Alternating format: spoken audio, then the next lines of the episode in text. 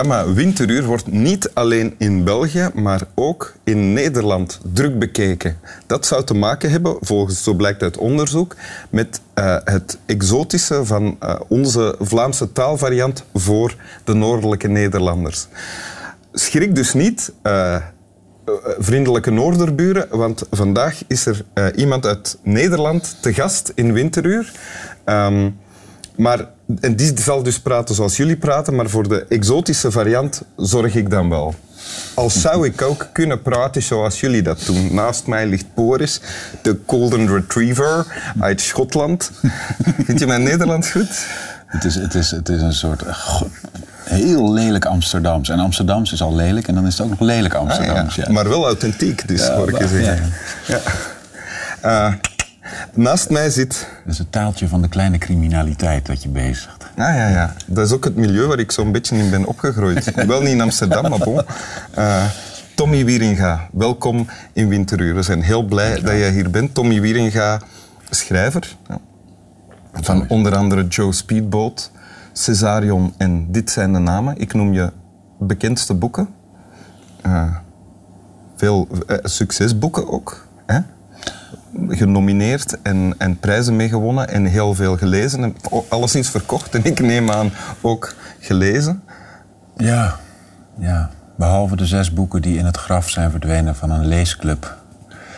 En het was het laatste boek dat de leesclub gelezen had met de overledene. En toen hebben ze de boeken allemaal in het graf gegooid. Dus ergens in Nederland is een graf met zeven Joe Speedboats erin. Is het waar? Ja. Ja. Die zijn aan de, aan, het, aan de leeskring ontrokken, zeg maar. Dus en uh, ook een kleine tip voor uh, mensen die om geld verlegen zitten en die wel Joe Speedboat willen hebben en bovendien een neiging hebben tot grafschennerij. Ja. Uh, maar die moeten dan wel het graf in kwestie nog vinden natuurlijk. En zo, u ziet het zou nog uren kunnen doorpraten, maar het gaat om de tekst die je hebt meegebracht. Ja. Wil je die voorlezen? Ja. Vanaf mijn zesde levensjaar ben ik bezeten van het tekenen van de vormen der dingen. Vanaf mijn vijftigste heb ik veel geproduceerd. Maar niets wat ik voor mijn zeventigste heb gemaakt is echt de moeite waard. Pas op mijn 73ste begon ik eindelijk iets te zien van het wezen van vogels, dieren, insecten, vissen en de levenskrachtige aard van grassen en bomen. Vandaar dat ik pas op mijn tachtigste enige vooruitgang zal hebben geboekt. Als ik negentig ben, zal ik verder doorgedrongen zijn in de diepere betekenis van dingen. Op mijn honderdste zal ik echt groot zijn. En op mijn honderdtiende zal elke punt en elke lijn het leven zelf bezitten. Ik durf u niet tegenspreken als je mij zo toespreekt. Wat is dit? Wie heeft dit? Dit is uh, van, uh, van Hokusai, Hokusai. Ik weet niet hoe je het uitspreekt, maar Japans is uh, matig. Maar um, een, een, een, een Japanse houtblok kunstenaar, een prentkunstenaar, een schilder, een tekenaar. Zo ziet hij eruit. Dit is hem.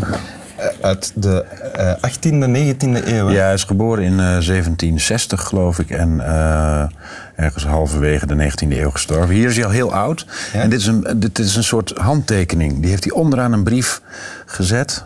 Een klein zelfportretje. En ik geloof dat ergens, dat zal misschien dit zijn, dan staat er... Oude man, gek van tekenen. Dat, zo onderteken je dus zijn brief. Ik ga de, de, kijk, mensen kennen waarschijnlijk Hokusai. Zonder dat ze het weten, is ook de tekenaar hiervan. De grote golf. De grote golf. Geweldig modern uh, tekenaar voor zijn tijd ook, ja. hè, denk ik, te ja. mogen zeggen. Ja, en altijd weer de, die prachtige berg Fuji. Ergens, ergens in de meeste tekeningen is echt die, die, die, die berg oh, ja. wel te zien. Ja. Um, je hebt een tekst voorgelezen nu. Wat staat er hier? Nou, wat er voor mij, die, die, die laatste zin die is, die is van enorm belang. De zin, uh, zal elke punt en elke lijn het leven zelf bezitten. Want dat is, dat is toch uiteindelijk, geloof ik, wat, wat, wat ik in dat, in, dat, in dat rare schrijven, in het, in het hand op papier of uh, ook probeer te doen. Weet je, dat alles moet leven bezitten. Mm -hmm. en, en het is ongelooflijk moeilijk om te schrijven en, uh, tegelijk, en, en, of om levend te schrijven. Um, En daarom ben ik zo getroffen door deze tekst elke keer als ik hem lees. Omdat ik hem ook zo, zo vitaal en zo vrolijk vind. En te weten dat hij geschreven is door een man die de tachtig naderde. Want hij was eh, bijna 80 toen hij dit schreef. Toen hij dit schreef was hij Ah, ja. bijna 80 en eh, hij had er dus al een leven op zitten. Hij is, al een, hij is een paar keer helemaal opnieuw begonnen en dat noemde hij... eh, ik ben weer één en dan gewoon weer opnieuw beginnen en nieuw werk maken... en paden begaan die je nog nooit eerder begaan hebt. En voortdurend zorgen dat je ja, die, die, die, die levenslust levend houdt. Dat je en dat je dus niet een zeikerige, oude, zelfingenomen, nare oude man wordt. Ja. Dat is heel moeilijk. Is dat dan iets waar je bang voor bent? Dreigt dat heel, gevaar? Ja, heel erg, ja. Oh ja. ja. Ik vraag ook aan iedereen om me heen hoe je dat niet wordt. Ik ben de hele tijd aan het verzamelen, tips aan het verzamelen... om te kijken hoe je niet een, eh, iemand wordt die meent dat het leven hem iets verschuldigd is. Oké, ja. Dat is gruwelijk. En dan te weten dat Het iemand... komt mij toe. Ja, oh ja. ja. Ja. Hij, hij zegt hier, voor mijn 70ste, zev- 70ste heb ik niks gemaakt dat echt de moeite waard is. Eh, hij- dat is toch ook een grap, neem ik aan. Heel dit stuk is toch Nee, ook... eh, eh, want rond zijn zeventigste heeft hij zijn beste werk gemaakt. oh ja. Dat is ongelooflijk. En als, er is, wordt, is een tragisch feitje wat ik in de krant heb gelezen... en wat ik nooit had willen lezen, maar toch heb gelezen. En dit is, dat is dat eh Nobelprijzen, prijswinnaars... hun beste werk gemiddeld schreven rond hun 44ste. En die leeftijd ben jij gepasseerd. Ben ik al lang gepasseerd. Oké, maar... Dus daarom ben ik zo... daar- ik gebruik dit als antidotum om, Oké. om, om, me- om, om me vrolijk te maken. En hoe doe je dat dan? Hoe doe je dat ervoor zorgen dat je niet eh, zelfgenoegzaam wordt of jezelf gaat herhalen, dat het leven verdwijnt uit je werk?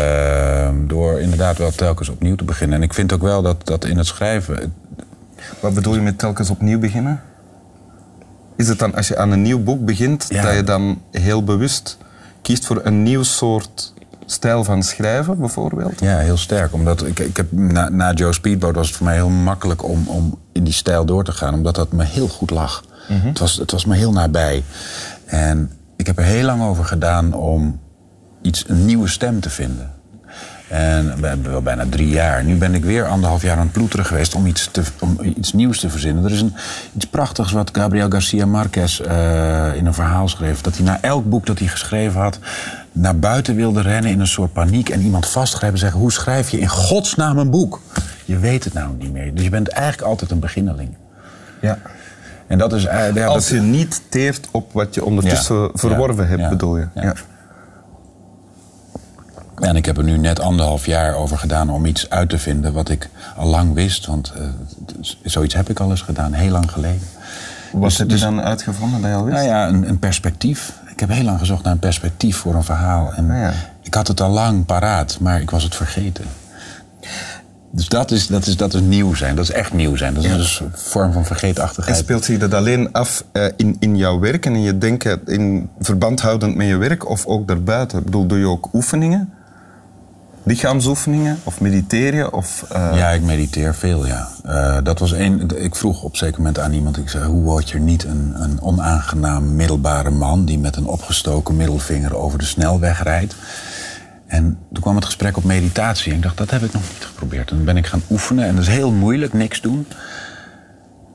Niks doen ja. is heel moeilijk. En twee keer twintig minuten per dag, niks doen.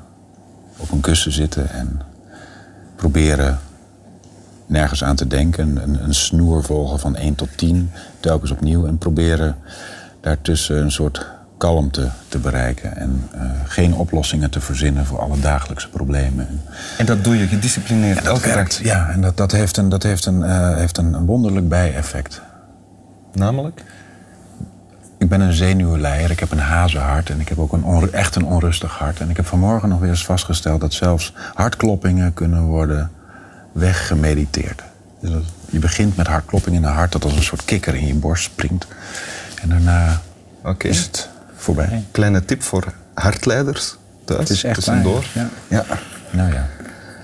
Tommy Wieringa, wil je de tekst nog een keer lezen voor ons? Waar staat hij? Ja. Van Hokusai. Ja. geschreven toen hij bijna 80 jaar oud was. Vanaf mijn zesde levensjaar ben ik bezeten van het tekenen van de vormen der dingen. Vanaf mijn vijftigste heb ik veel geproduceerd, maar niets wat ik voor mijn zeventigste heb gemaakt is echt de moeite waard. Pas op mijn 73ste begon ik eindelijk iets te zien van het wezen van vogels, dieren, insecten, vissen en de levenskrachtige aard van grassen en bomen. Vandaar dat ik pas op mijn tachtigste enige vooruitgang zal hebben geboekt. En als ik negentig ben, zal ik verder doorgedrongen zijn in de diepere betekenis van dingen. Op mijn honderdste zal ik echt groot zijn. En op mijn honderdtiende zal elke punt en elke lijn het leven zelf bezitten. Dank u. Met veel plezier. Slap wel.